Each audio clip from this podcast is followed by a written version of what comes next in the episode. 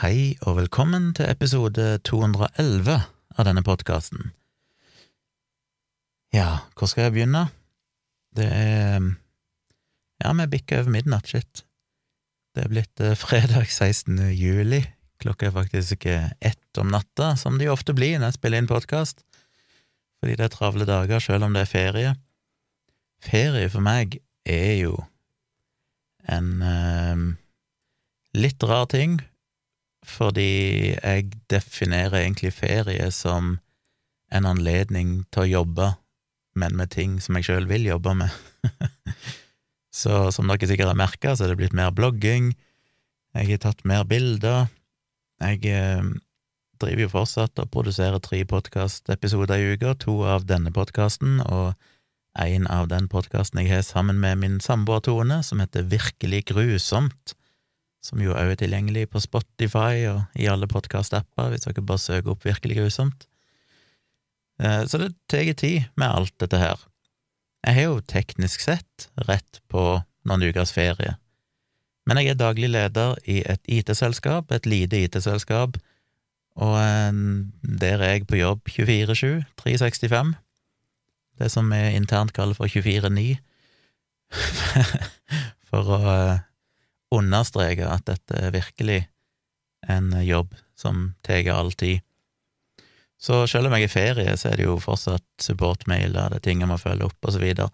Så ferie i ordets rette forstand har jeg vel ikke hatt siden eh, ja, jeg starta firmaet i 1999, så jeg har holdt på nå i et par og tjue år. Og sånn er det å drive et lite firma sjøl, du er på jobb alltid. Men de siste årene så har det blitt eh, litt mer avslappa, så jeg har prøvd å ta en slags ferie, det vil si at jeg bare gjør det som er nødvendig. Jeg er jo alltid på vakt, i den forstand at hvis det skulle skje noe med server eller noe sånt, så må jeg være på pletten, så jeg kan egentlig aldri bevege meg vekk ifra en datamaskin. Altså, jeg kan bevege meg vekk ifra en, men eh, jeg bør kunne nå en datamaskin i løpet av relativt kort tid. Um, så jeg har hatt vakt kontinuerlig i 22 år for å si det sånn. Men uh, stort sett så skjer det ikke noe galt, så selv om jeg teknisk sett er på vakt, så, så er det jo uh, rolige dager. Problemet er at det er så mye å gjøre. Det er alltid forferdelig mye å gjøre. Det er så mye Altså, alt fungerer jo og er fint, så teknisk sett så kan en si at nei, er, alt er greit, her kan vi bare ta ferie. Men det er så mye eh, som skulle ha vært gjort allikevel. Jeg vil programmere og gjøre ting bedre. Det er kunder som ønsker ting som jeg har lyst til å få levert, men samtidig så må jeg balansere det med at ja, men jeg skal jo kunne ha ferie òg. Og de kommer ikke til å lide selv om de må vente noen uker på akkurat det. Så det er en sånn evig kamp inni meg. Men um, Men jeg, jeg, jeg, jeg, tok jo eh, nesten et par ukers ferie her når vi var på denne kjøreturen rundt i Norge her i slutten av juni og begynnelsen av juli. Uh, selv om jeg jobba litt òg, det gjør jeg jo alltid, som nevnt men eh, det var jo ferie i den forstand, og jeg har tatt ferie denne uka. Så jeg har jo på sett og vis hatt tre ukers ferie snart, så neste uke må jeg nok kanskje gå tilbake igjen til å, å jobbe litt, selv om jeg egentlig har flere ukers ferie. Men det, det, er et eller annet som er deilig med å jobbe i ferien òg, for når det er fellesferie, så er det veldig rolig. Det er nesten ingen supportmailer, det er generelt sett chill, og da føler jeg at jeg får jobba mye mer effektivt. Men samtidig, som sagt, er det så mye jeg ikke har lyst til å gjøre. Jeg sitter og koser meg med å ta bilder, redigere bilder. Jeg har jo tatt masse bilder på ferien, jeg har lyst til å få det så bra som mulig, og sånn. Så det, det er en sånn samvittighetskamp, liksom, kan jeg tillate meg ferie eller ikke? Men sånn er nå det. I denne episoden så skal jeg eh, innom litt forskjellige ting. Jeg eh, var jo litt innom Lightning Process og ME-saken i forrige episode, og det ble det jo mye respons på, så jeg skal prøve å si litt mer om det. Men jeg vil òg snakke litt om et eh, Ja, jeg vil snakke litt om eh, menneskeheten. Kan vi utryddes? Fordi jeg har alltid vært litt bekymra, eller ikke bekymra, men jeg har alltid gått med en slags idé om at det er forskjellige ting som kan skje, som rett og slett vil utrydde menneskeheten. Men i seinere tid så har jeg begynt å tvile litt på det, så jeg skal snakke litt om det, men aller først så vil jeg rett og slett lese opp et eh, leserinnlegg jeg skrev i dag, fordi jeg syns det er såpass viktig, og eh, ja, jeg eh, tror det kan være på sin plass. Skal bare finne den rette fanen av alle de hundrevis av fanene jeg er oppe. Foranledningen var at som sagt, jeg driver et IT-firma. Vi leverer en nettavisløsning, det vil si en publiseringsplattform med mye mer, til mm, ja, folk som vil sette opp nettsider primært retta mot nyhetspublisering. Men det er ikke bare aviser, det kan være bedrifter, det kan være lag og foreninger, idrettslag, alt mulig, som ønsker en profesjonell publiseringsløsning som er 100% utvikla i Norge, alt er på norsk, eh, og vi har holdt på med dette nå i, i rundt ti år, har vi vel levert akkurat den løsningen, og det er det vi jobber med på fulltid nå. Tidligere så gjorde vi mye andre ting òg, som serverhousing og webhotell og alt mulig sånn, men nå er det kun Newsflow, som det heter. Og en av de avisene, jeg er jo inne og kikker på de avisene jevnlig for å se hvordan ting fungerer, og eh, en av de avisene er Saltenposten, og der så jeg plutselig på forsida et uh, debattinnlegg ifra ei som heter Jeg skal bare klikke meg opp på den originale artikkelen ei som heter Cassandra Petza, som er leder i Fauske Fremskrittsparti, og hun svarte på en lederartikkel i Saltenposten som jeg tror ble publisert samme dag, altså ja, teknisk sett i går, 14. juli, der lederen i Saltenposten viser til at denne, denne representanten for mannegruppa Ottar, som har drevet og reist rundt i landet, spesielt hatt en liten turné opp i Nord-Norge, for å drive med det som ble kalt for nabovarsling, altså at han eh, i praksis henger ut tidligere overgrepsdømte som har sona en dom og har nå blitt sluppet fri igjen, og han går rundt og identifiserer på internett og sånn med bilder og på Instagram-konto bilder og tekst og sånn som forteller hvor disse folkene bor, og henger de ut med all slags beskyldninger, inklusive å hengt ut en feil person òg, da de pekte ut feil hus og sånn, som jo er ganske drøyt å si at her bor det en overgrepsforbryter, og så er det feil person. Jeg har jo kritisert dette mye tidligere i forskjellige sammenhenger, syns jo det er Jeg er jo ikke noen tilhenger av den type borgervern i, i første omgang, men det er jo mye, mye problematisk med det, som jeg skrev en lang bloggpost om i november i fjor, da jeg gikk gjennom all forskningen på dette og viste at dette er ikke spesielt smart. Spesielt det som de prøver å forsvare seg med når de blir konfrontert med dette, mannegruppe Otter og co., at ja, men de ønsker egentlig bare å starte en debatt, spesielt rundt dette her med å ha et offentlig overgrepsregister, som gjør at eh, da hvem som helst kan gå inn og søke og sjekke bud av noen tidligere dømte overgripere i mitt nabolag, hva er adressen, hvor bor de hen, hva er navnet, for det skal liksom få folk til å føle seg trygge, så hvis du da vet at det bor en overgriper i nabolaget, så skal det kunne gjøre deg tryggere. Gudene vet hvordan, men eh, det skal jeg komme tilbake til. Så lederen, eh, så redaktøren i Saltenposten skrev en lederartikkel der han veldig kort, han bare sa at uh, denne personen nå var dømt, han ble jo dømt til fengsel i ett år og tre måneder, tror jeg, som jeg syns er veldig, veldig bra signal. Vi kan ikke tillate den type borgervern i dette samfunnet. Og i den anledning så pekte han på at denne hun der Cassandra Petza da tidligere hadde gått ut, det var vel i fjor høst, da det var en del medieoppmerksomhet rundt dette nabovarselgreiene, gikk ut og mer eller mindre sa at han, hun gjerne ville invitere disse folkene på kaffe fordi hun støtter alle som jobber mot pedofili.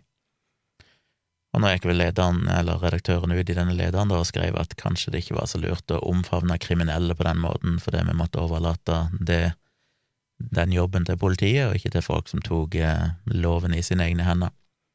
Og da har hun svart, ganske kjapt, på dette, og skrevet en del ting som jeg så, og tenkte at shit, dette kan jo ikke forstå stå uimotsagt, for dette er jo den samme Frp-populismen som er totalt løsrevet for fakta og forskning, som jeg har irritert meg over i så mange år og prøvd å korrigere i bloggen min. Så siden jeg hadde gått gjennom dette ganske grundig tilbake i, i fjor høst, så baserte jeg meg litt på det jeg hadde skrevet da, og prøvde å skrive en litt mer sånn en kortere og litt enklere versjon der jeg trakk fram eh, noen av poengene mine knyttet opp mot det som hun Cassandra Petza hadde skrevet i sitt debattinnlegg. Så da tenkte jeg jeg skulle lese det, rett og slett, for det, det tror jeg er viktig og nyttig, og jeg skal lenke til det i shownotes til podkasten, så dere kan eh, lese det sjøl hvis dere vil, eller dele det videre hvis dere syns det er viktig og nyttig, men det jeg skriver, er følgende. Overgrep mot barn er et av de vanskeligste temaer å diskutere, fordi det rører ved noe grusomt som føles så ubegripelig for mange at de ender opp med å handle ut fra følelser heller enn fakta. Det kan man forstå fra folk flest, men vi bør forvente mer av våre politikere. Leder i Fauske Fremskrittsparti, Cassandra Petza, har tidligere omfavnet mannegruppa Ottar sitt nabovarslingsprosjekt, på tross av at det både er ulovlig og ødeleggende for samfunnet. Etter å ha møtt kritikk for dette i Saltenpostens leder den 14. juli, serverer Petza i sitt tilsvar noen påstander som er direkte feil, og som ikke kan forstå uimotsagte. Hun starter med å gjengi, eh, gjenta Sylvi Listhaugs sterkt kritiserte bruk av ordet monstre om pedofile overgripere. Hun kaller også pedofili for djevelskap. Det er forståelig at man kan bruke slike ord i affekt over en kopp kaffe med naboen, men vi må forvente mer i den offentlige politiske debatt. Å bruke dehumaniserende ord om pedofile hjelper ikke i kampen mot overgrep, tvert imot. I sin hovedgave, hovedoppgave i psykologi, Menneske eller monster, pedofili i den faglige og offentlige diskurs, skriver psykolog Kirsten Holtmoen Resaland at en demonisering av pedofile kan føre til at flere av dem føler seg fanget av sin egen seksualitet og dermed får det vanskeligere med å ikke leve den ut. De kan føle at pedofile følelser er ensbetydende med overgrep, og dermed oppleve en slags nødvendighet eller rettferdiggjøring av å leve ut sin seksualitet. Det må vi for all del unngå ved å være tydelig på at man som pedofil kan, og må, gå gjennom livet uten å leve ut sin seksualitet. De lærde strides fortsatt om pedofili skal anses som en legning eller en parafili, men uansett må det være en ufattelig vanskelig skjebne som jeg tror ingen av oss skulle ønske for oss selv eller andre. Et liv hvor man ikke kan være et helt og fullt seksuelt vesen uten å per definisjon krenke retten til et voksent og informert samtykke fra sin partner. Det er samtidig viktig å slå fast at å være pedofil selvsagt ikke er ulovlig. Pedofili, forstått som det å leve ut sine pedofile følelser gjennom å forgripe seg på prepubertale barn, er heller ikke djevelskap, selv om det er fryktelig galt. Ved å kalle det djevelskap fjerner vi oss fra den smertefulle virkelighet, nemlig at slike handlinger begås av virkelige mennesker som oftere enn ikke er noen som står offeret nær, og som hen på eller pårørende er glad i. Husk at din egen sønn kan være pedofil, og han trenger i så fall at du viser ham kjærlighet og er åpen for fordomsfri samtale, ikke at du stigmatiserer pedofile og dermed også implisitt ham, som et monster. Det vil bare ødelegge for muligheten til en åpen kommunikasjon som kan forhindre overgrep og øke hans lidelse og fortvilelse. Ikke-utøvende pedofile må i dag leve et liv i hemmelighold og dyp skam. Det fører ofte til depresjon og selvmordstanker. Derfor er det viktig at vi ser og behandler dem som medmennesker og tilbyr hjelp heller enn fordømmelse. Petza fremstiller seg selv som en engasjert politiker som vil jobbe mot pedofile overgrep, men synes dessverre ikke å ha satt seg inn i saken. Hun skriver at Frp ønsker å utrede behovet for et offentlig overgrepsregister. I så tilfelle kan jeg hjelpe henne. I min bloggpost Mannegruppa Ottar, nabovarsling og Megans Law fra november i fjor har jeg gått gjennom forskningen og erfaringene med offentlige overgrepsregistre. Her viser jeg til flere andre land som har forsøkt dette, og konklusjonene er entydige. Det virker ikke. Offentlige overgrepsregistre er svært kostbart å administrere og vedlikeholde, noe man sjelden klarer, og de fører ikke til færre overgrep. Ja, enkelte studier finner tegn til at de faktisk øker risikoen for nye overgrep. Hovedårsaken til dette er at når en dømt overgriper som har sonet sin dom, ender opp med å bli fordømt og isolert fra samfunnet, gjennom at alle kan finne vedkommendes navn og bosted i et slikt register, så fører det til utenforskap. Når man ikke kan få seg jobb eller delta i lokalsamfunnets fellesskap, og opplever at både en selv, ens venner og familie utsettes for hets og vold, så fører det fort til avmakt, et hat mot samfunnet og dermed ny kriminalitet.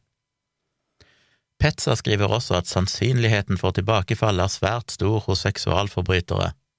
Dette er feil. Risikoen for gjentagelse hos dømte overgripere er faktisk svært lav, noe jeg viser i min bloggpost og som også rettspsykolog og forsker Pål Grøndal skriver i et debattinnlegg i Aftenposten.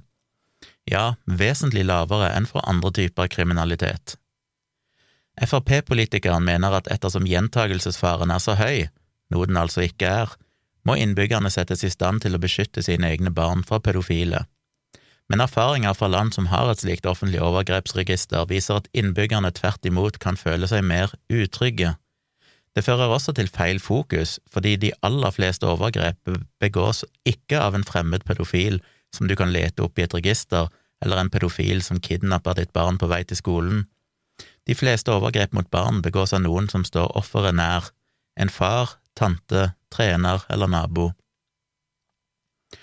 Nettopp det gjør også at et offentlig overgrepsregister kan gjøre det vanskeligere for folk å anmelde overgrep.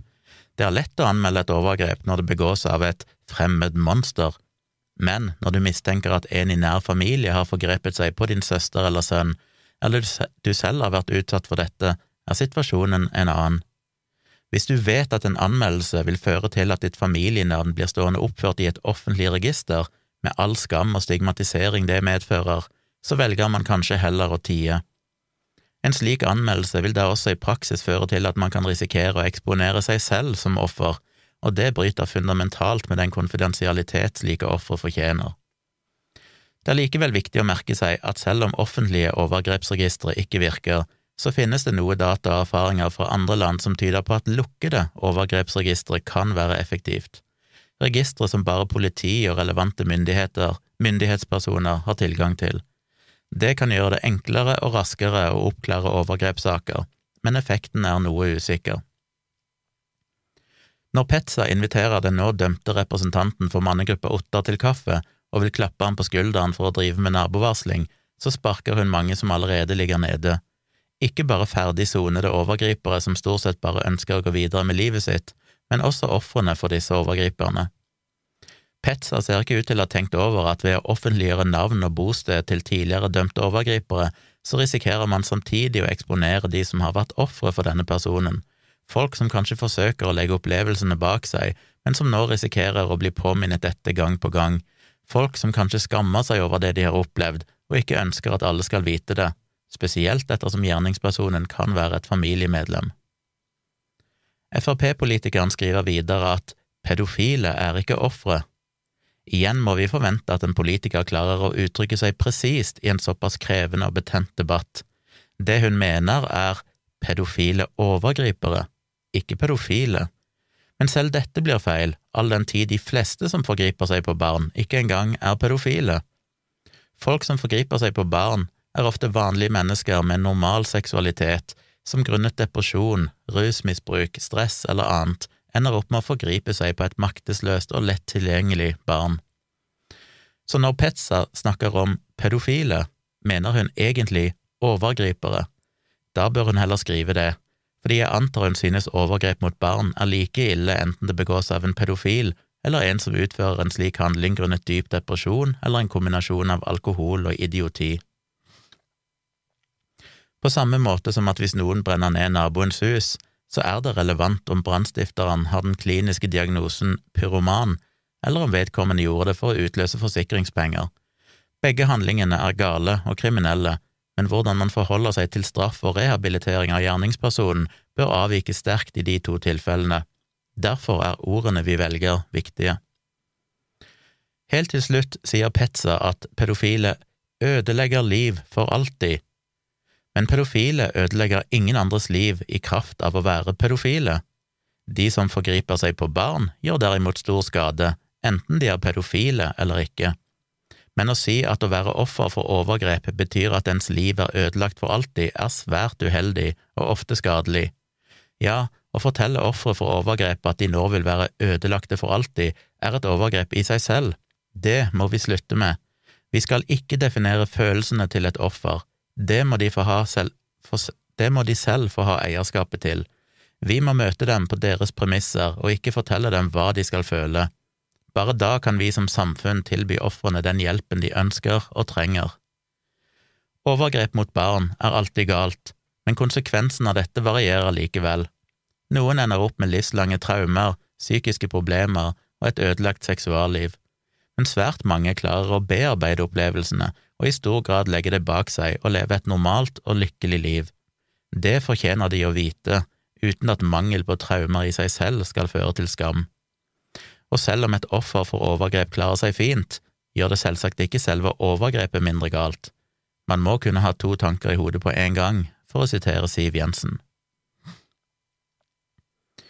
Petza sitt innlegg er altså basert på kunnskapsløshet og populisme, heller enn fakta og en nøktern og nyansert tilnærming til et svært krevende tema. Forskning viser at over offentlige overgrepsregistre ikke virker, og at nabovarsling skader ofre og lokalsamfunn. Stigmatisering av pedofile og spredning av faktafeil skader oss alle, ikke minst folk som lever med pedofile følelser og som allerede har det fryktelig vanskelig. Vi ønsker alle færre overgrep mot barn, men det lykkes vi bare med hvis vi kan møte folk som har en seksuell tiltrekning mot mindreårige, med empati og tilbud om hjelp. Uttalelser og handlinger som fører til økt stigmatisering og skam, både for overgripere og ofre, er kontraproduktivt. Jeg håper Petza og andre som er engasjert i denne debatten, klarer å legge fra seg magefølelsen og heller lese seg opp på fakta, fordi skal vi lykkes med å skape et bedre og tryggere samfunn, er vi nødt til å basere våre valg og ytringer på god kunnskap, ikke på fordommer, hevn og hat. Så det var leserinnlegget mitt, som jeg skrev ganske kjapt. Det kunne sikkert vært bedre, men jeg måtte bare få fyrt det av så kjapt og greit jeg kunne. Um, men jeg føler vel jeg fikk oppsummert. Jeg mener, jeg har jo engasjert meg i det temaet i mange år, og over tid så har jeg jo sett alle disse påstandene, jeg har granska forskningen og prøvd å kom, finne ut hva som egentlig er, er, det korrekte. Og igjen, det interessante er jo det at i fagmiljøene så er jo dette ikke kontroversielt. Jeg mener, jeg lenker jo til kilder på alt dette her. Ikke så mange i leserinnlegget her, for det blir altfor mye kilder i et leserinnlegg. Men hvis en går inn på den bloggposten som jeg lenker til, så er det jo kilder på alle disse påstandene. Og de fremste ekspertene i Norge på dette, sånn som Pål Grøndal, er jo eh, helt på linje med det jeg skriver, så vidt jeg har skjønt. Eh, og er vel òg ganske frustrert over all den kunnskapsløsheten, alle de mytene som spres. Men så er det interessant med reaksjonene som kommer. Det har jo vært eh, egentlig bare positive reaksjoner. Artikkelen er blitt delt mye på Facebook, og folk har skrevet fine kommentarer. Men så kommer det selvfølgelig en nå rett før jeg skulle spille inn podkasten, som er den der klassiske som jeg bare må lese inne på saksynt-sida mi inne på Facebook, der ei skriver Tjomli synes å være en jeg alene hvite person. Har han barn? I så fall skulle jeg gjerne hørt hva han ville kalle en voksen person, person som til dømes hadde voldtatt hans to–tre år gamle jentegutt. Hadde omtanken for overgriperen stått i høgsetet da? Sjøl vil jeg absolutt ønske å bli gjort merksom på om noen av naboene mine var dømte pedofile overgripere, dog ikke med store oppslag på veggene, da disse svina også har familie. For ofra har det ingen betydning om overgriperen er eh, per definisjon er pedofil eller bare deprimert, er i en vanskelig livssituasjon. Sunne, normale mennesker gjør bare ikke slikt. Og i den kommentaren så oppsummerer hun jo så mye som er feil, at det er nesten litt sånn vondt. Eh, for det første, Tjomli synes å være en jeg alene hvite person. Um, I motsetning til Cassandra Petza og basically absolutt alle andre jeg har sett skrive om dette temaet, så uttaler de seg kun basert på synsing. Ingen av de lenker til kilder, ingen av de lenker til forskning. Så at jeg er en jeg alene hvite person, jeg er fullt villig til å endre mening hvis noen kan legge fram forskning som viser det motsatte av det jeg skriver.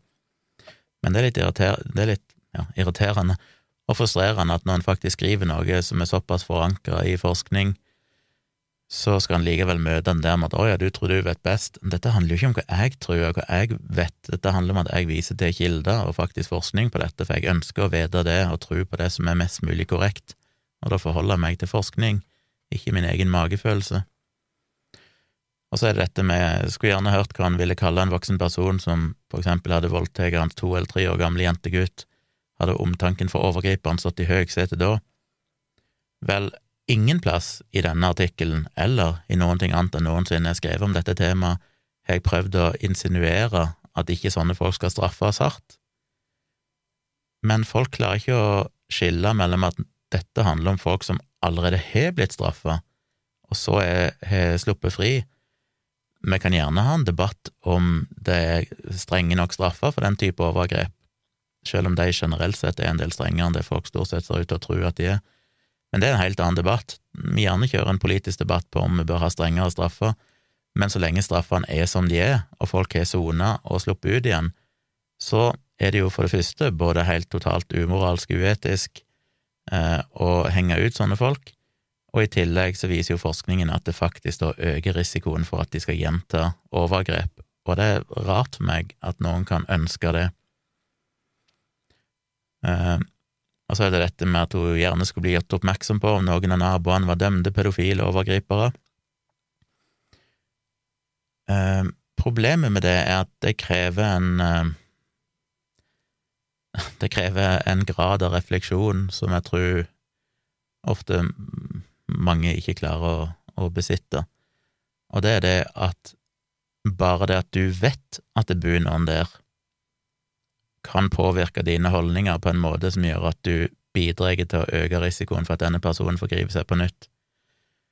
Jeg mener, jeg er en far, jeg har ei datter, og rent sånn emosjonelt så tenker jeg òg at ja, hvis naboen min er pedofil, dømt pedofil um, må ikke jeg heller være upresist. Om de er pedofile, er sånn sett irrelevant, men om de er dømt for å faktisk ha gjennomført et overgrep, sånn at de faktisk er kapable til det, uavhengig av om de er pedofile eller ikke, så ja, intuitivt så tenker jeg at det ville jeg òg gjerne visst. Det føles som at det er tryggere, det anerkjenner jeg 100% men samtidig så må jeg forholde meg til fakta, som er at hvis alle naboene vet det, så vil det være umulig for den personen å bli behandla som en normal person. Ergo så vil denne personen ende opp med å bli frosset ut, bevisst eller ubevisst, og dermed da øke risikoen for at de forgriper seg igjen, som er det forskningen viser. Så det er ganske krevende, det der å finne den der at du har den der konflikten mellom at ja, selvfølgelig, på et personlig nivå så skulle jeg ønske å vite det, men samtidig så må jeg anerkjenne at det er sannsynligvis er best at jeg ikke vet det, fordi bare da kan jeg behandle den personen med den respekten vedkommende fortjener, ettersom de er ferdig sona, og med den respekten som forhåpentligvis gjør at denne personen da ikke føler seg så ekskludert fra samfunnet, og ikke får forsterka sine, sine antisosiale egenskaper på en måte som gjør at de kan forgripe seg igjen. Og så den siste hun skriver med at sunne, normale mennesker gjør bare ikke slikt. Og det er jo òg helt feil. Det er jo akkurat det som er problemet. Sunne, normale mennesker gjør faktisk dette. Det er litt som den evige debatten der folk tror at hvis de hadde levd for 100 år siden, så hadde ikke de vært rasister, selv om samfunnet generelt sett var rasistisk, eller menn som levde for 100 år siden, ville allikevel ha sett på kvinner som likeverdige. De ville aldri vært kvinneundertrykkende. Eller folk som sier at de kunne aldri tatt et liv jeg mener, alt dette vet vi beviselig er feil. Det, vi er produkter av vårt eget miljø, vi er produkter av omstendigheter. Ehm, vi vet alle at vi kan drepe, rett, eh, plassert i den rette situasjonen.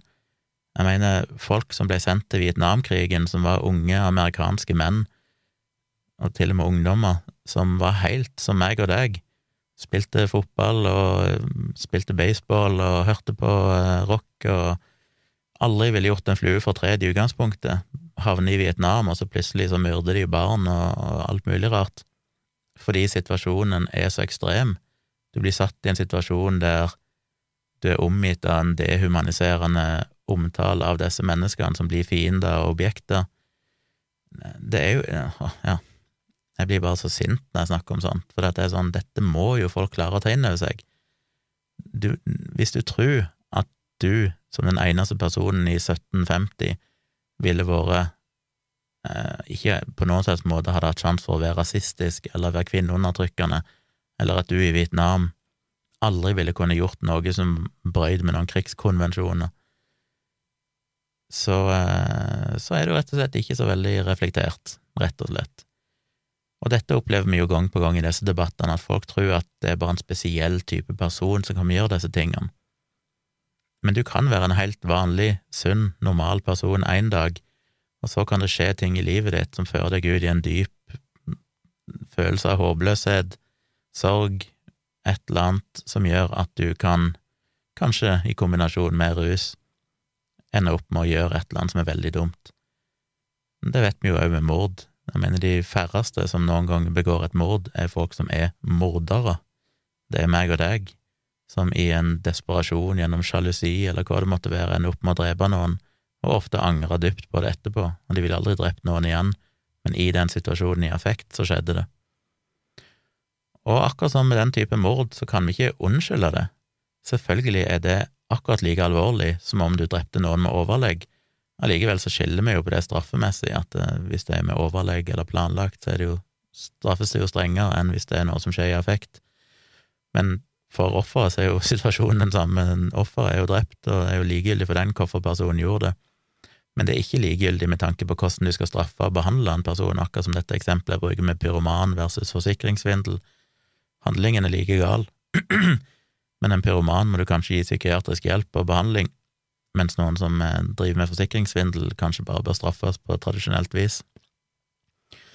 Så alt dette her er nyansert og vanskelig, og jeg blir så sjokkert over folk som bare ikke evner i det hele tatt å tenke de ekstra stegene som kreves. Men ja, det var iallfall uh, mitt lille innspill om akkurat det. La meg gå over til menneskeheten, om den kan utryddes. Jeg skal ikke bruke altfor lang tid på det, tror jeg, men jeg syns jo bare det er interessant, for det har vi alltid hørt om at menneskeheten kan utryddes eh, gjennom en atomkrig eller et eller annet sånt. Og i realiteten så ser egentlig det ut til å kunne skje. Det er bare noen eksepsjonelt få ting som sannsynligvis kan utrydde menneskeheten. Kanskje bare én, og det er en eh, kollisjon med en enormt svær meteor. Problemet er at det Eller problemet Heldigvis så ser det ut bare til å kunne skje med sånn ja, Det vil være 100 millioner år mellom hver gang det skjer, cirka. Og en sånn meteor vil være såpass stor at vi har en sånn noenlunde kontroll. Dessverre har vi ikke full kontroll. Det dukker jo i ny og ne opp sånne objekter på himmelen som holdt på å si sneier jorda som allikevel betyr at de er langt vekke, men eh, som vi ikke oppdaga før rett før.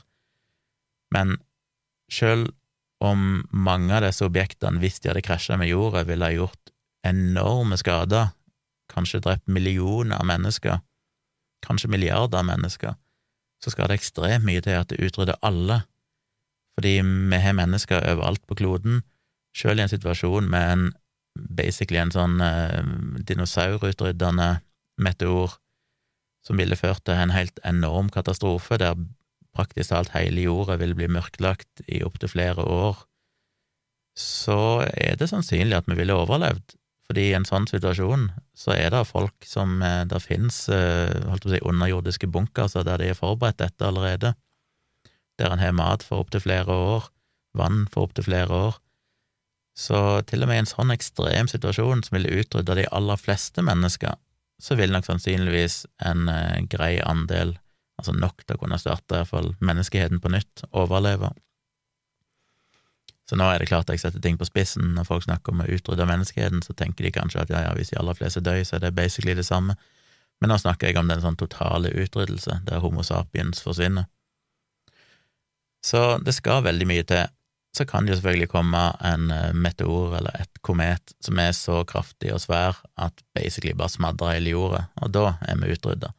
Men sjansen for det er så mikroskopisk i løpet av overskuelig framtid at eh, Og da snakker jeg om mange hundre millioner år, at det basically ikke er noe som er verdt å snakke om. Jorda har jo overlevd noen milliarder år siden sist det skjedde, som vil basically være da månen ble skapt. Som jeg ikke husker hvor lenge siden var, men jorda er vel 4,7 milliarder år siden, så en eller annen gang nyere enn det, men uh, sannsynligvis 3-4 milliarder år siden, iallfall. Det har vårt liv på jorda i 3, et eller annet milliarder år, så det må være før det òg. Så iallfall, det ser ut til å gå milliarder år mellom hver gang det skjer, og da er det jo basically et ikke-problem. Andre ting som kan utrydde dere, er jo en supervulkan. Vi har jo en uh, potensiell supervulkan under Yellowstone i USA. Den ser ut til å bryte ut, det har vært sånn ca. 600 000-800 000 år mellom hver gang den bryter ut, og nå er vi egentlig på en slags overtid, men allikevel så er det regna som eksepsjonelt usannsynlig at den vil bryte ut igjen i løpet av de neste 10 000 år. Men i overskuelig framtid, i løpet av noen tusen år, så er det sannsynlig at den kommer til å bryte ut, og den vil jo da utrydde millioner av mennesker i USA, vil stort sett eh, tåkelegge hele USA med et sånn tjukt lag med, med støv, aske, som gjør at alt av landbruk og sånn vil krepere. De vil miste all strøm, de vil miste alt internett, eh, de vil miste all offentlig transport og ikke mulig å flyge. Så det vil være en katastrofesituasjon som gjør at de kan bare overleve hvis det blir shippa inn enorme mengder mat for resten av verden over lengre tid, og det er kanskje ikke praktisk mulig å fôre 335 millioner amerikanere. Så det kan jo bety at fryktelig mange vil dø av sult, men eh, det vil fortsatt basically være amerikanere. Eh, jeg kjenner ikke til andre sånne supervulkaner, det er sikkert andre andre plasser, men igjen, poenget er at de vil kunne gjøre enorm skade og utrydde kanskje hundrevis av millioner mennesker, men fortsatt være langt på nær i nærheten av å utrydde, hele, utrydde hele, hele jordas befolkning. Du har pandemier, virus. Det er vel kanskje noe av det jeg tenker er det mest skumle hvis det plutselig bryter ut et eksepsjonelt dødelig og smittsomt virus, spesielt hvis det er et virus som er litt sånn som hiv, som eh, venter kanskje sånn et år før det faktisk dreper verten, så det får tid til å smitte omtrent hele jordas befolkning uten at man omtrent vet om det, og så plutselig så begynner folk å dø. Det vil kunne utrydde en betydelig andel, men til og med der så er det usann... For det første er det relativt usannsynlig at du får et virus med akkurat de egenskapene, Stort sett så oppdager vi det ganske fort, og som vi har sett nå, klarer å utvikle vaksiner. Det vil jo sannsynligvis kunne skje enda fortere nå som vi har utvikla denne mRNA-teknologien. Og så igjen vil det være folk som da i en sånn situasjon kan isoleres for resten av verden, fordi vi ser at oi, dette det kommer til å drepe stor del av jordas befolkning. Evakuer. Og så blir de isolert i en underjordisk bunker eller et eller annet sånt. Eh, så til og med der tror jeg nok vi vil kunne overleve som art. Atomkrig er jo selvfølgelig den klassiske, men atomkrig er litt oppskrytt. Det er basically ingen mulighet å kunne utrydde jordas befolkning med atomvåpen, så vidt jeg har skjønt. Correct me if I'm wrong, men det, det kan gjøre enorm skade, selvfølgelig. Skulle du sprenge alt av atomvåpen på jorda på en gang, så vil det sannsynligvis ha dramatiske konsekvenser. Det vil kunne føre til formørking, askelag oppi atmosfæren som gjør at vi vil miste planter og, og sånn over en viss periode, men neppe så lenge at ting blir utrydda og at menneskeheten totalt sett sulter i hjel eller fryser i hjel. Det vil ha enorme konsekvenser, men igjen, klarer ikke å utrydde hele befolkningen på jorda. En av de tingene jeg frykter mest, av en eller annen grunn, er en sånn eh, kraftig solstorm som, hva det heter på, en korona nå hadde jeg en, eh, en Google-fane her, en, et koronamasseutbrudd, altså der det slynges ut masse ifra sola. Og det skjer jo i ny og ne, og ofte så er det ikke retta mot jorda, heldigvis, men uh, vi regner jo med at det kommer til å skje i løpet av relativt nær framtid, og det er litt sjokkerende for meg hvor lite vi planlegger for det. Vi hadde jo i podkasten Dialogisk, i en av de aller første episodene, så hadde vi jo eh, Hva er det han er? Astronom? Fysiker? Eh, kosmolog? Et eller annet. Brian Cox, han britiske fyren som har ledet mange store TV-program og sånn, kjendis. Han var jo faktisk gjest hos oss, fascinerende nok, og da snakket vi jo litt om det, og han òg hadde litt samme bekymringen, det at en sånn gassmasse slenges ut av sola i retning av jorda vil bety at vi kan miste alt av strøm, alt av satellitter vil bli slått ut, det vil si at vi mister sannsynligvis stor del av internett og GPS og alt mulig rart. Eh, så det vil ha enorme konsekvenser, mindre enn en sånn kanskje en supervulkan eller en eh, meteorkollisjon, men konsekvenser mer på et sånn ubehagelig nivå, der vi ikke kreperer nødvendigvis, selv om mange vil dø av det, jo sannsynligvis, hvis alt av GPS og satellitter som forsvinner, så vil det føre til problemer med leveranser og transport av mat rundt på jorda og mange andre ting. I tillegg til at vi mister strøm, som vil bety at mange vil fryse i hjel, sannsynligvis, for det, at, eh, det er vel estimert at i områder så kan da strømmen forsvinne i iallfall flere måneder, kanskje flere år, før de klarer å få infrastrukturen opp og gå igjen. Og hvis det skjer i områder som er kalde, eller til og med områder som er veldig varme, der de er avhengig av eh, aircondition og sånn, så vil en se mye dødsfall. Pluss at det vil selvfølgelig da påvirke produksjonen av mat og alt mulig annet, så det vil selvfølgelig ha konsekvenser. Men det er nok den kanskje mest sannsynlige tingen som vil kunne skje, selv om det er kanskje den minst alvorlige av de, men allikevel vil ha enorme konsekvenser. Og det er en sånn ting som teknisk sett kan skje i morgen, jeg mener sånn som en supervulkan vil en som regel få forvarsel om, for jeg vil kunne merke at det er økt seismisk aktivitet og sånn i forkant, og en vil vite at oi, nå er det i ferd med å skje noe. Men en sånn eh, koronamasseutbrudd, det tror jeg kommer relativt eh, uten forvarsel, og uansett om det er forvarsel, så er det fint lite vi kan gjøre. Jeg synes en fascinerende ting med alt dette her, det er jo det at hvis det skulle komme, da, la oss si vi fant ut at Yellowstone kom til å, til å ha et utbrudd da er det jo sannsynligvis mange millioner mennesker i flere stater som må evakuere for å overleve. Og da tenker en at ja, ja, hvis en har god nok tid, så er jo det praktisk mulig. Problemet er at nei, det er sannsynligvis ikke det. Det har vist i alle forsøk og alle simuleringer, så klarer vi ikke å flytte mange mennesker på en gang. Det fører alltid til kaos. Selv om du prøver å organisere det så godt du vil med at ok, nå skal de med personnummer som slutter på dette, skal kjøre via den og den veien til den og den plassen. Så ender det opp med at eh, folk får motorstopp, eh, folk kolliderer, veiene blir blokkert, plutselig kommer ingen seg noen vei. Uten biler så er det vanskelig å flytte mange mennesker fort. Du klarer ikke å ha nok fly, du klarer ikke å bruke helikopter, du kan ikke bruke båter på land, tog vil ha begrenset kapasitet. Du er egentlig avhengig av veier for at folk skal kunne flytte i store monn når de skal ha med seg nok bagasje til å overleve og alt mulig sånn. Og det funker bare ikke. Veiene blir blokkert nesten umiddelbart hvis du prøver å flytte mange mennesker. Så selv om du har god tid, så er det litt sånn at hvis vi vet det kommer til å skje, eh, hvis vi vet at det treffer ei atombombe i en eller annen noenlunde stor by i løpet av de neste tolv timene, så vil de basically være fucked, for det, selv om teknisk sett så burde tolv timer være nok til å kunne evakuere de fleste menneskene, så klarer vi ikke det. Klin umulig. Mennesker er delvis for dumme, egoistiske. Det er alltid folk som skal ta snarveier og gjøre dumme ting, som ender opp med å bare ødelegge for alle. Og eh, det er uhell, ulykke, motorhavari, alt mulig sånn. Så det er litt sånn deprimerende, syns jeg, at det hjelper ikke om vi får forvarsel. Allikevel så kommer en, de aller, aller færreste til å kunne evakuere i en sånn situasjon, når det er snakk om en hel storby eller mer. Så um, ja, på den positive sida så tror jeg vi kommer til å overleve som art, sannsynligvis, i veldig lang tid framover, nesten uansett hva som skjer. Men det er jo mange ting som kommer til å utrydde en stor del av befolkningen på et eller annet tidspunkt, og det er jo tragisk nok, selvfølgelig. Til slutt litt om eh, Lightning Process igjen, og jeg kommer sikkert til å skuffe mange, fordi etter jeg snakket om Lightning Process og ME og denne studien som ble stoppa, så var det jo plutselig mange nye lyttere som hørte podkasten fordi det gikk plutselig rykter om at jeg hadde snakka om det, og så var det folk som likte det jeg hadde sagt, og så ble det tydeligvis delt i en del miljøer og arena, forumgrupper, der det er mange som er engasjert i dette temaet. Jeg har fått mange meldinger på Twitter, det har vært debatter helt fram til nå som pågår i skrivende stund. Jeg har fått mailer fra mange.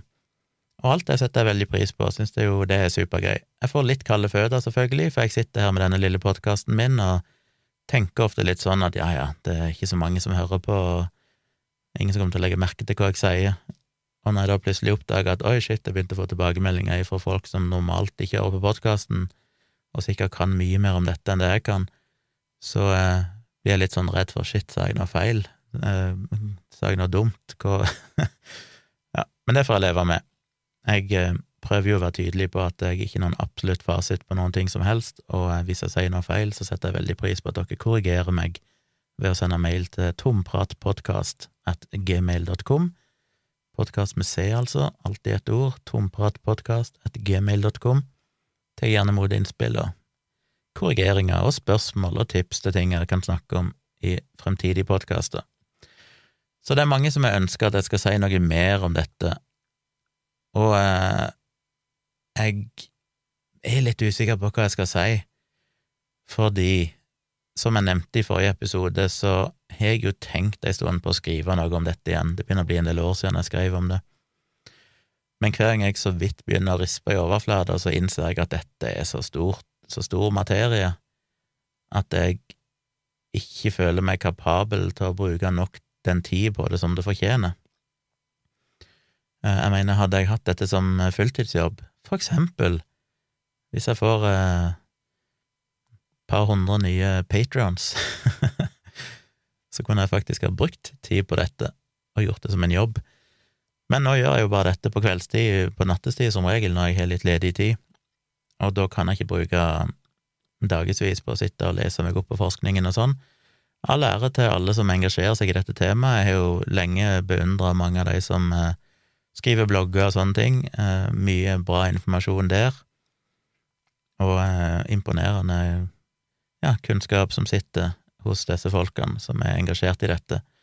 Men jeg er litt redd for å ødelegge noe ved å prøve å si noe vettugt uten å ha satt meg nok inn i det.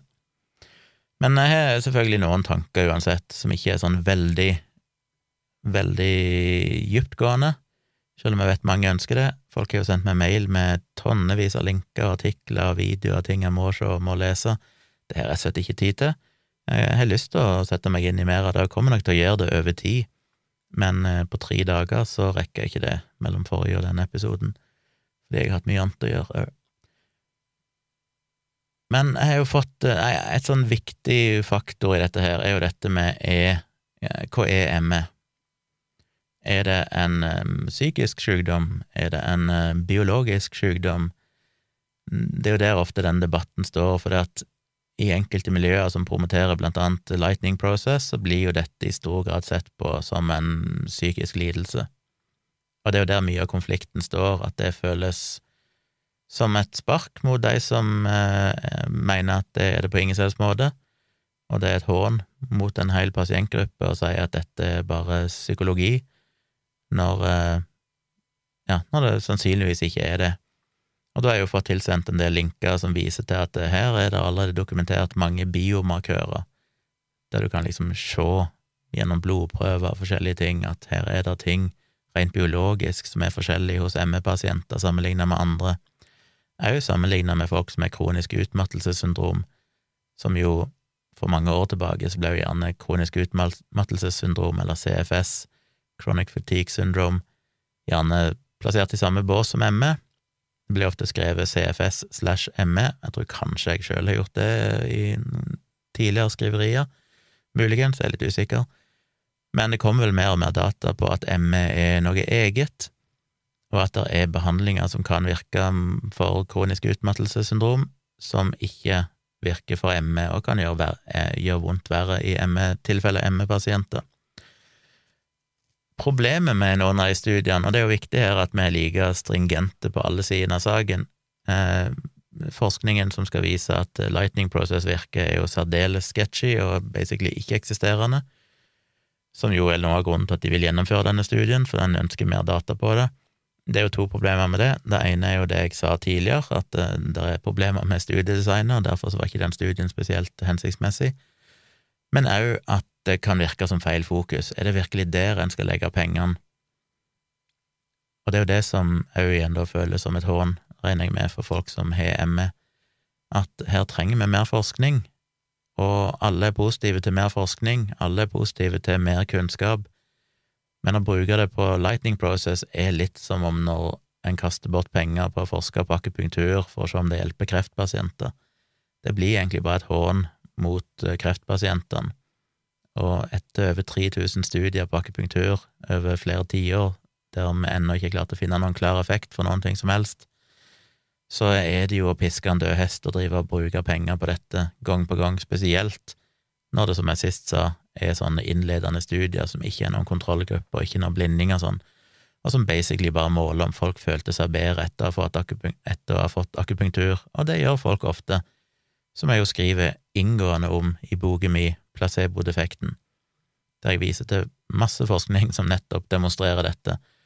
Og som jeg pleier å si, det å gå til en homeopat kan virke, men det betyr ikke at homeopati virker. Og det er fordi, ja, som tittelen på boka sier, placebo-defekten, At eh, placeboeffekten og forventningseffekter og alt som hører med, er så viktige faktorer. Og det ser en jo i flere av disse studiene på kronisk utmattelsessyndrom og ME og sånn òg, at mange av de mangler blinding, det er ikke noen kontrollgruppe. De basically måler følte pasientene seg bedre etter å ha fått denne behandlingen. Det er veldig sammenlignbart, den LP-studien, altså Lightning Process, er veldig sammenlignbart med en sånn healing-studie som ble gjennomført her for et par, tre-fire år siden, som jeg også bruker som eksempel i et av foredragene mine om kritisk tenking, eh, som et sånn skrekkeksempel. For det fikk jo NRK-oppslag, store oppslag i NRK, om at eh, healing eh, virka, basically.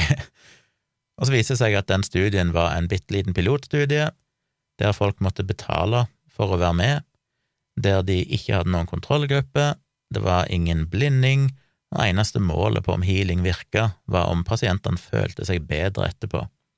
Og en overvekt av pasientene følte det, ergo så virker healing. Og selvfølgelig så stemmer ikke det. Du kunne gjort basically hva som helst. Du kunne ha massert de, du kunne ha fått de til å synge allsang, du kunne ha dansa med de, du kunne ha gjort hva som helst, og sannsynligvis ville de ha følt seg bedre, fordi det å være del av et fellesskap, det å bli hørt, det å, å bli tatt på, det å bli lytta til, alt dette vet vi virker, spesielt hvis du har investert noe i det sjøl, for eksempel betalt penger for det. Og det ser en òg i noen av disse studiene, at folk må betale penger. Og det ser en jo spesielt i Lightning Process, for det er jo et kurs som koster litt over 20 000 gjerne for å gjennomgå et sånt kurs, og det øker jo òg motivasjonen til at folk vil føle at det hjelper de. Dette vet vi jo så godt, det har vært det samme problemet med alt av alternativ behandling i alle år, at studier der du må betale for å være med, øker insentivet til at du ønsker å forsvare din egen investering.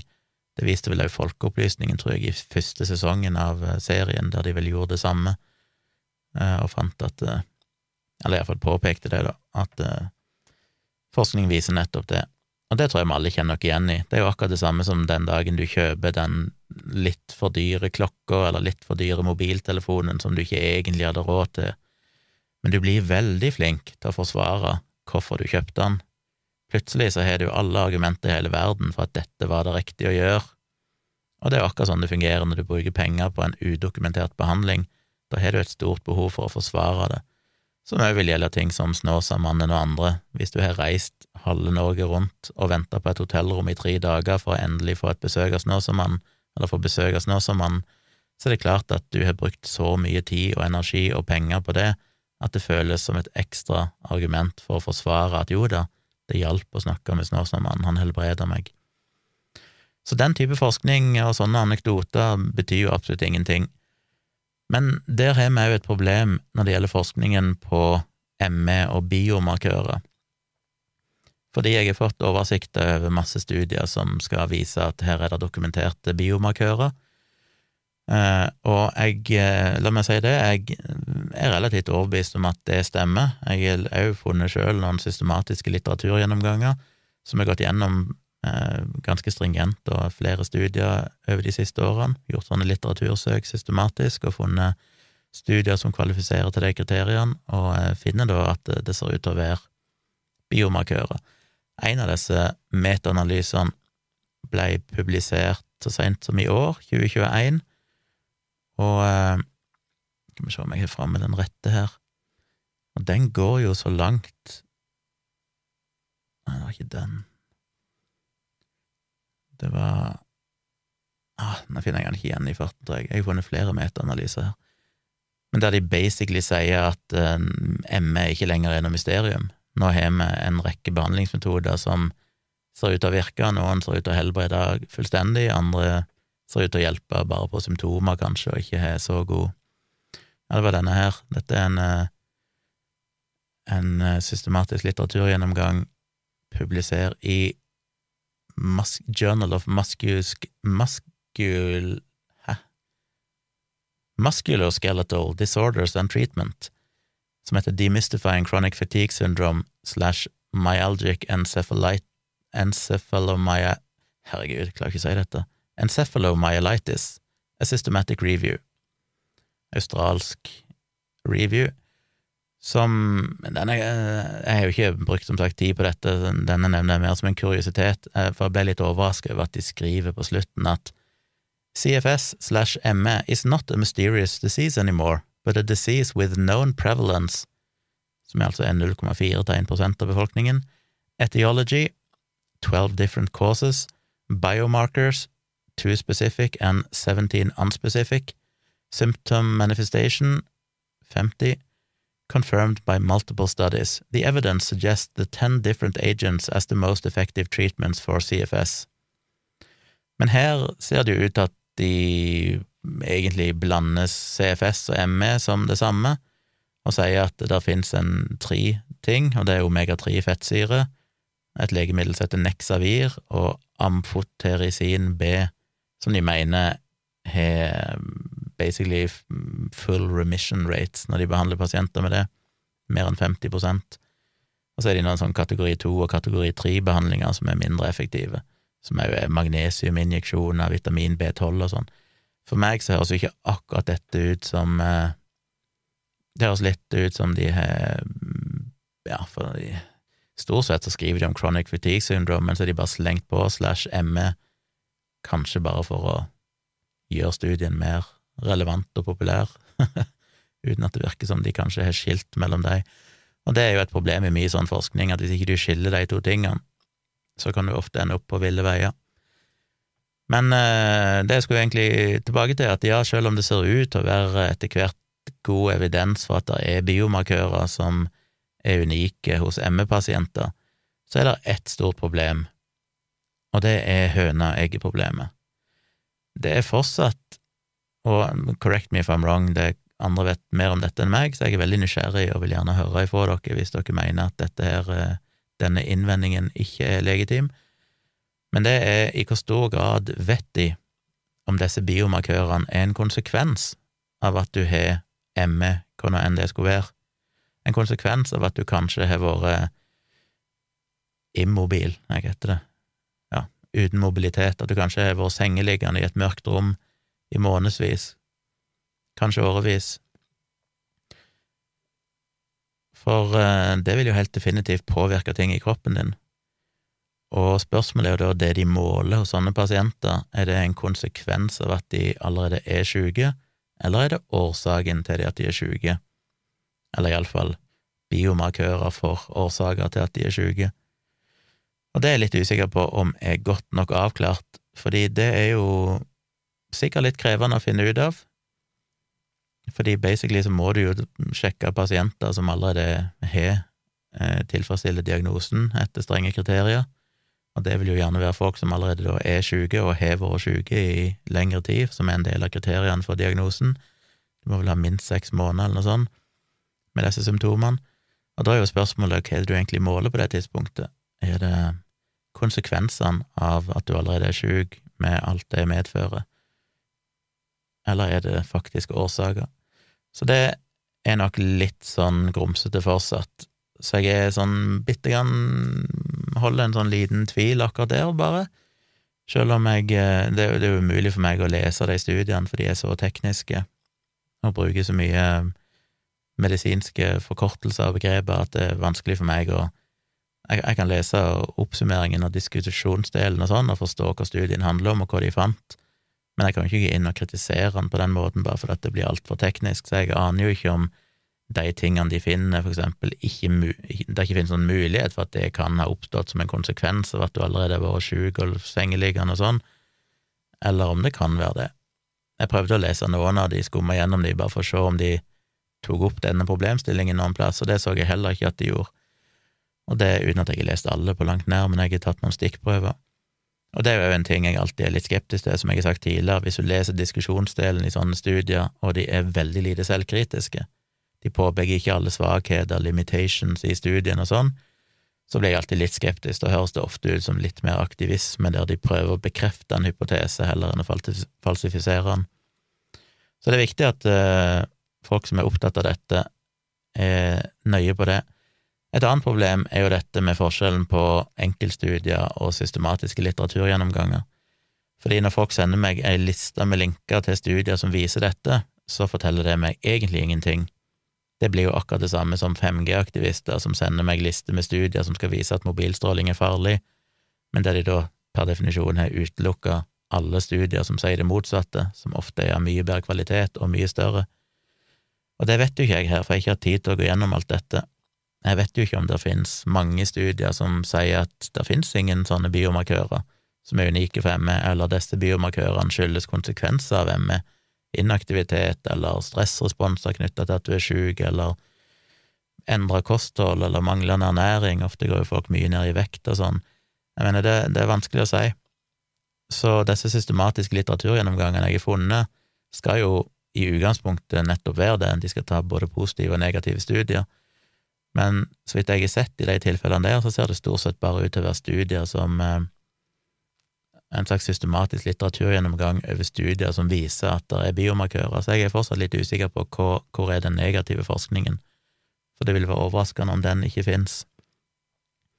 Så det vil jeg gjerne ha mer informasjon om, hvis noen vil sende meg det, og peke ut eh, det som er negativ forskning, og prøve å vise meg til gode, systematiske litteraturgjennomganger som anerkjenner begge sidene, og allikevel konkluderer med for eksempel at det er gode holdepunkter for at disse biomarkørene er reelle, og at de faktisk kommer av årsaker til sykdommen, og ikke bare som en konsekvens av sykdommen. Men helt uavhengig av det, så kan vi alle være enige om at vi trenger mer forskning. Jeg har jo prøvd å støtte bitte grann tidligere, for en del år tilbake så ga jeg jo en del tusen til denne Rituximab-studien på Haukeland sykehus. Ehm, men det er klart, den òg var jo interessant jeg skal ikke nevne navn, men det var jo en profilert person der som var deltaker i studien, kom ut etter studien, eh, hevda hun basically hadde blitt helbreda. Så viste det seg seinere, når studien ble unblinded, at hun hadde vært i kontrollgruppa og fått placebo, men hun ble allikevel gikk ifra å være basically 90 pluss prosent ufør til å være stort sett helt fungerende igjen på grunn av en behandling som var placebo. Og det er klart, da blir en jo litt sånn eh, skeptisk til igjen dette som jeg snakket om tidligere. Dette med ekte ME, eller hva er det, er det en sekkediagnose, er dette forskjellige ting? Um, det er jo folk som har sendt meg sine personlige historier, og det slår meg jo at uh, en gjennom, gjenganger er at det er folk som er dypt fortvila fordi de er alvorlig syke, og finner ikke noe hjelp i helsevesenet, men en lang dag så møter de endelig den legen eller de legene som faktisk tar de på alvor, og da blir de bedre. Og det, da er jeg jo litt sånn, ja, men er det et godt argument? Jeg viser ikke kanskje det, da, at det er et ganske betydelig psykologisk aspekt i dette? At det som med annen alternativ behandling ofte handler om det med å bli sett, som da kan lindre stressresponser, som kan få igjen, hvis dette er en uh, psykosomatisk sykdom, eller iallfall en del av pasientene har en psykosomatisk sykdom, som jeg skriver mye om i placebo-defekten, der jeg viser til at den type lavgradig stress utløser betennelsesreaksjoner forskjellig i kroppen som gjør at du kan bli blind og lam og alt mulig midlertidig. Det er alvorlige konsekvenser. Det er ikke noe en skal le av, det er ikke noe en skal bagatellisere. Eh, og det å si at dette er psykosomatisk, betyr ikke at ah, dette er noe du innbiller deg, eller det er tull. Nei da, det er akkurat like alvorlig som en biologisk sykdom. Men løsningen kan være noe annet enn en medisin. Det kan være faktisk å få psykologisk behandling eller en eller annen kognitiv terapi. Så det må en jo ha med seg her, og eh, tror det er viktig at alle som er engasjert i dette temaet, eh, anerkjenner at dette er fortsatt veldig grumsete, og her er det nok en sekk med litt forskjellige diagnoser. Og det som er viktig, og selvfølgelig ekstremt vanskelig, er at det vil være umulig for hver og en med ME å vite hvorfor si, hvorfor et rom i den sekken de hører hjemme i, for alle vil nok føle at de har ekte ME. Men det er akkurat som folk som sier at, at nei, det var ikke placebo, for jeg vet at det virker. Men det er sånn, eh, det er ikke sånn det fungerer. Placebo gir deg akkurat de samme effektene som om du hadde fått den reelle medisinen i de tilfellene, altså den delen av effekten som er placebo, vil være lik. Det er jo hele poenget. Det er derfor vi har blinda studier med kontrollgrupper. Hvis du kunne bare spørre folk om du vet om dette var en placeboeffekt eller ikke, så hadde de ikke trengt nok placebogruppe.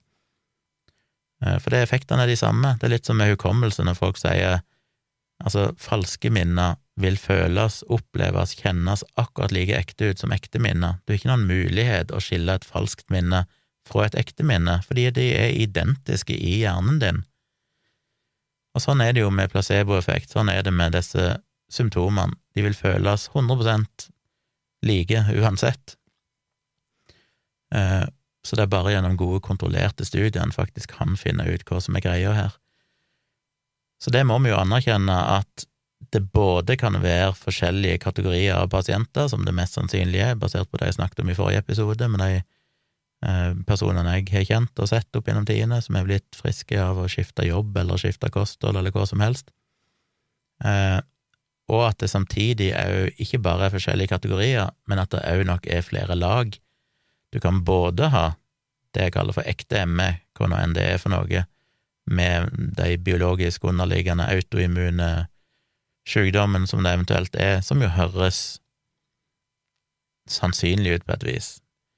Eh, det er jo folk som har maila meg, jeg har jo hørt om andre som har fått ME etter infeksjonssykdom, at de har fått en virusinfeksjon, og så utløser det ME, som jo ikke er uvanlig, at det ofte er virusinfeksjoner som utløser autoimmune sykdommer fordi immunforsvaret går litt bananas.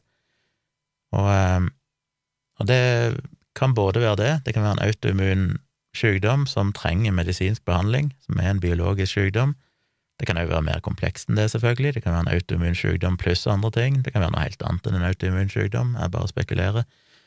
Men på toppen av det så kan det fortsatt være psykisk, psykologiske elementer som er knytta opp mot stress, håpløshet, forskjellige ting. Um, så, og så tror jeg òg vi skal være forsiktige med å overvurdere vår egen evne til, til den analytiske selvrefleksjonen, for jeg ser det ble en stor debatt. Jeg tror det eneste negative folk hadde å si om forrige podkastepisode, var at jeg antyda at et element i ME kunne være en sånn nedadgående spiral fordi du lytter for mye til kroppen din og blir for overoppmerksom på symptomer og så videre. Og da var det mange som sa at det kjente de seg ikke igjen i, det stemmer ikke. Om noe så er de vel mindre opptatt av det enn andre mennesker, eller sånn. Og så i neste tweet så kunne de skrive, skrive at uh, jeg er veldig flink til å lytte på symptomene og presser meg aldri for langt, og sånn, så det er ikke noe problem.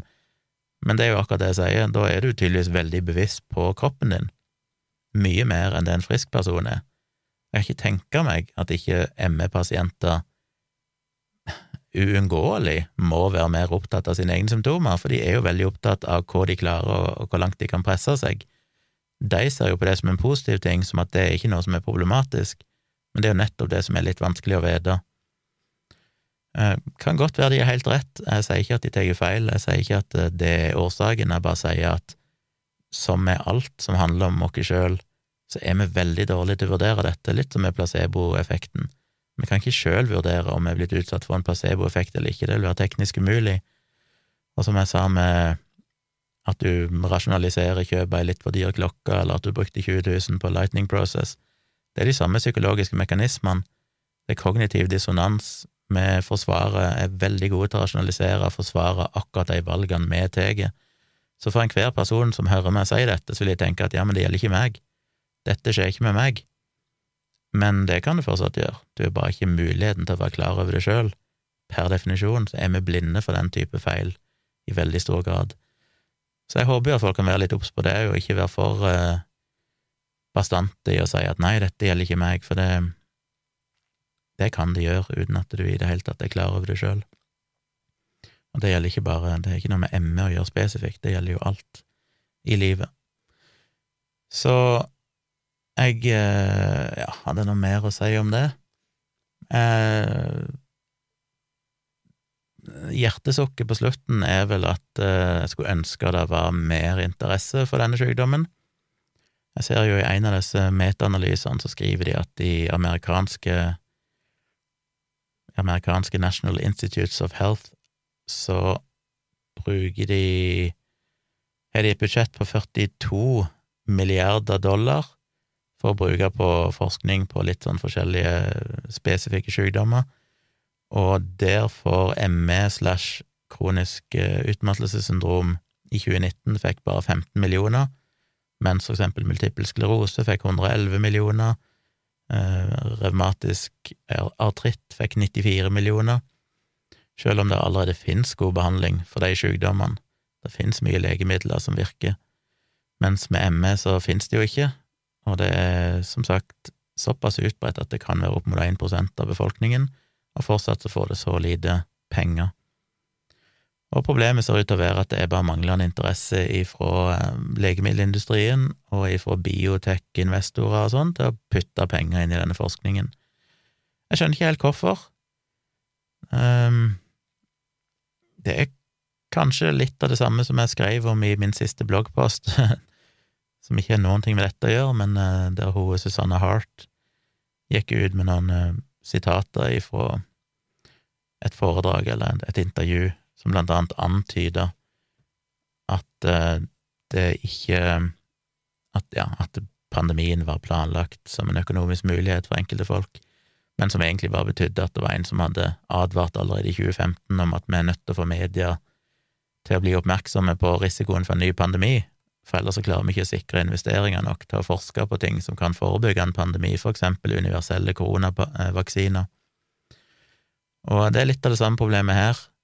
Eh, sånne ting handler veldig ofte om oppmerksomhet, og det tror jeg nok øker, ikke minst fordi at antall studier som er publisert på ME, har jo økt dramatisk i løpet av de siste 20 årene.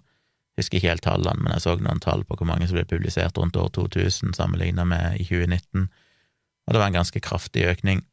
Så det er jo positivt. Det ser ut til å skje veldig mye, men det er jo problematisk at det fortsatt er vanskelig å finne finansiering til gode studier, spesielt når legemiddelindustrien definitivt burde kunne ha gevinst av det, gitt at det er opp mot 1% en halv til 1% av befolkningen kanskje har dette.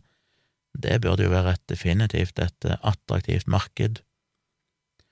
Så um, det kan være det bare skyldes at uh, industrien fortsatt mangler disse biomarkørene, altså det er vanskelig å forske på legemidler før den grunnforskningen er gjort som finner ut hva dette i, i det hele tatt er for noe. Og det er kanskje vanskelig å investere penger i det fra legemiddelindustrien og andre, når det ikke er noen sånn åpenbar gevinst å hente tilbake igjen. Men det tror jeg nok vil, vil være en sånn vendepunkt i det øyeblikket du får slått godt nok fast at ok, her har vi en mekanisme. Så fort det skjer, så vil en jo se dollartegn i øynene på legemiddelindustrien, for da er det plutselig et eller annet de konkret kan forske på, som konkret vil gi avkastning, når de eventuelt klarer å utvikle en, en medisin, medisin, for dette.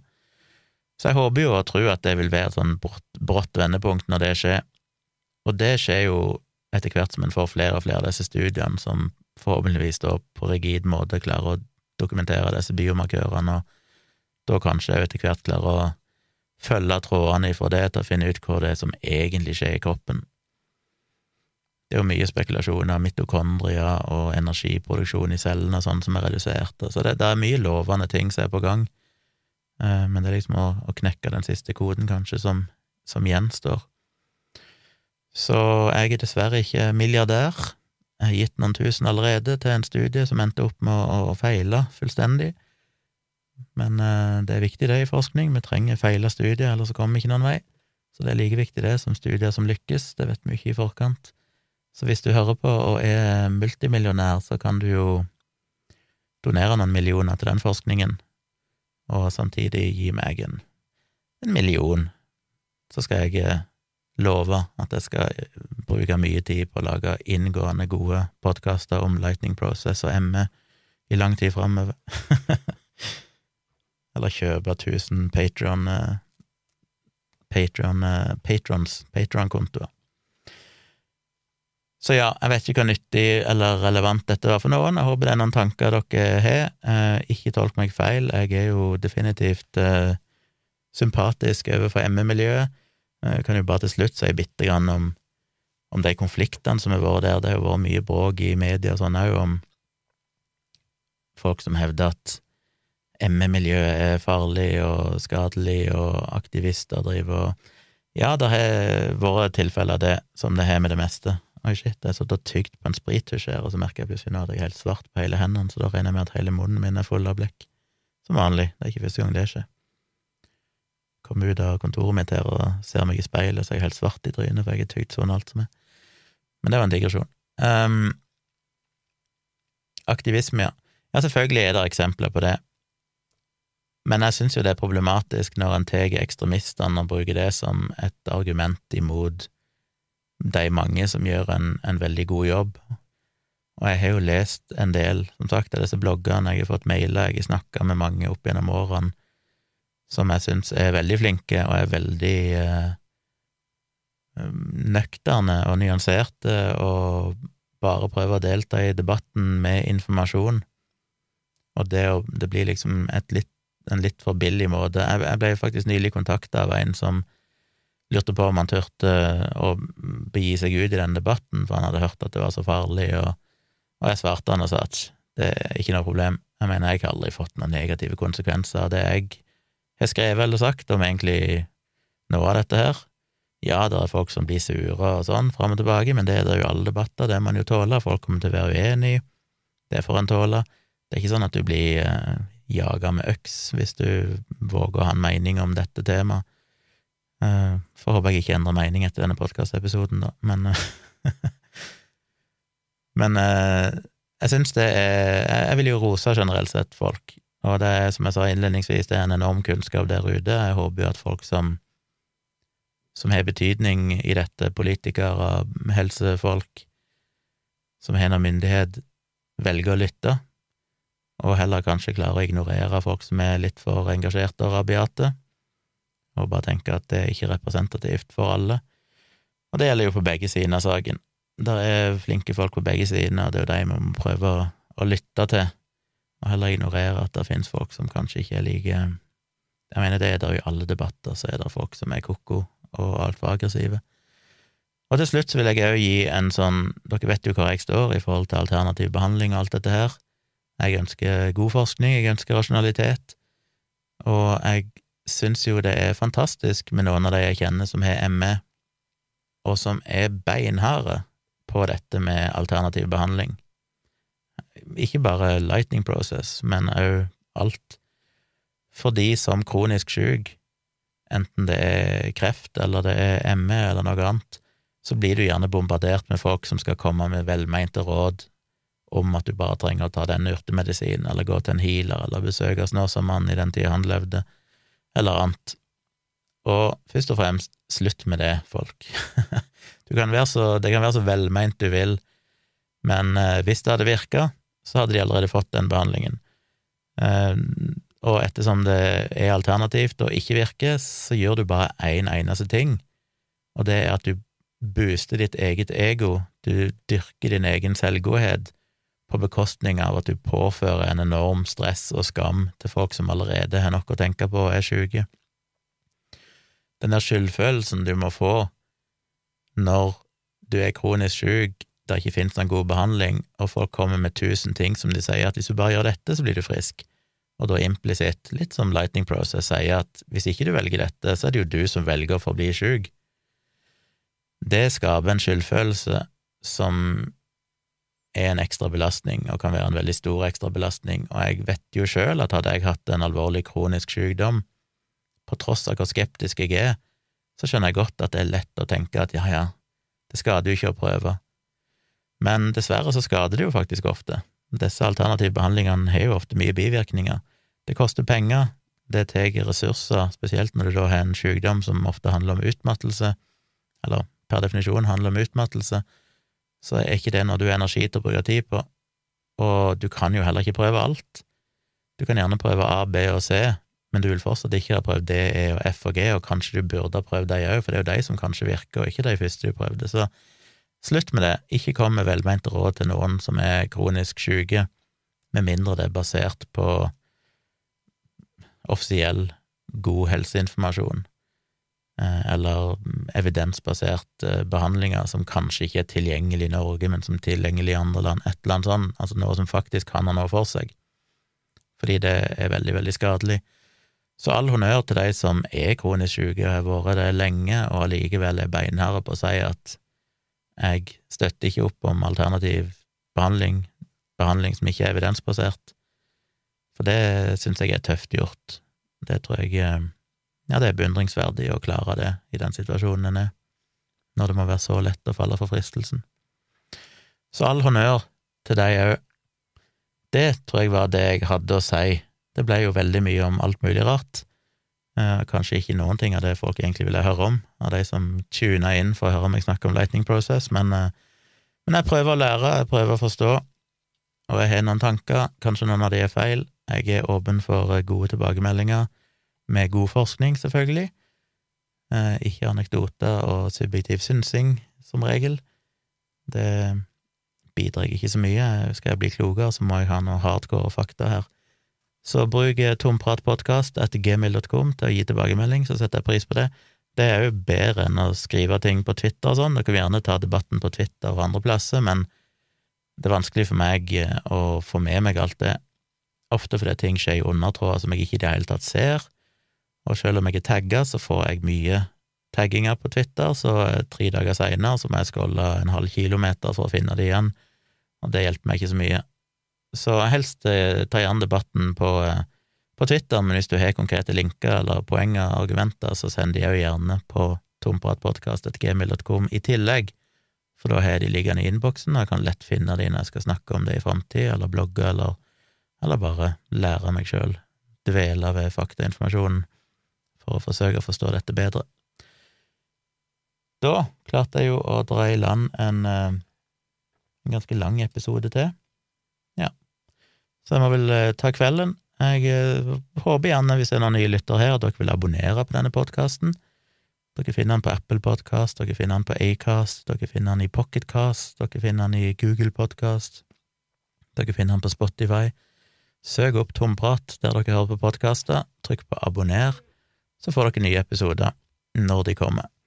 Og hvis du vil støtte alle de timene jeg bruker på å researche og lage podkaster og skrive bloggposter og sånn, som ingen betaler meg for, eh, så kan du støtte meg ved å bli Patrion, og det gjør du ved å gå til Patreon, patrion.com slash tjomli, og der kan du støtte meg med alt ifra 30 kroner i måneden eller høyere beløp. Og på de høyere beløpene så får du litt mer igjen, for eksempel mine foredrag, um, signerte bøker, um, podkastversjoner av livestreamene mine, lydbøker av begge bøkene, Kanskje hvis du er sjuk og ikke sliter med å lese, så kan det funke kanskje å høre på lydbøker. Da får du begge bøkene mine som lydbok, som jeg sjøl har lest inn, inne på Patron på et eller annet av de nivåene. Det kan du lese om på patron.com slash tjomli. Så jeg blir veldig glad hvis noen vil støtte meg i arbeidet jeg gjør, så jeg kan bruke enda mer tid på dette. Da vil jeg bare takke for at du lytta. Del gjerne podkasten med andre, tips andre om at de kan høre denne podkasten hvis de, dere syns jeg sa noe fornuftig eller interessant. Og så eh, høres vi igjen i morgen, bare si det, i kveld, da egentlig fredag kveld 16. juli, så kjører meg og Tone en livestream på YouTube, muligens også på Facebook, men YouTube er best å se sånne ting på, så eh, sjekk ut det. Vi starter sikkert kanskje i ti-elleve-tida, kanskje midnatt, vi vet ikke helt. Det dukker opp en livestream i løpet av kvelden som ligger klar, som du kan se tidspunktet når det skjer. Da sitter vi og snakker om alt mulig rart, svarer på spørsmål åpent og ærlig, private ting og andre ting dere ønsker å snakke om. Så det kan dere se på YouTube. Da kan dere finne kanalen min som heter Tvilsomt med Tjomli eller søk på det som jeg nå kaller for Ærlig talt med Tone og Gunnar. Da finner dere òg livestreamen. Så det kan dere følge med på. På mandag så kommer det en ny episode av Virkelig grusomt. Denne gang er det Tone som skal fortelle en uh, grusom historie for virkeligheten. Og på tirsdag så kommer det en ny episode av denne podkasten, Tomprat. Og så følg med i bloggen min på tjomli.com, for der dukker det stadig vekk opp nye bloggposter og følg meg gjerne på Facebook-sida mi Saksynt, eller på Twitter-kontoen min Civix, C-I-V-I-X, og det samme på Instagram, på så vidt, C-I-V-I-X på Instagram, hvis dere vil følge meg der. Da avslutter jeg. Vi høres igjen ganske snart.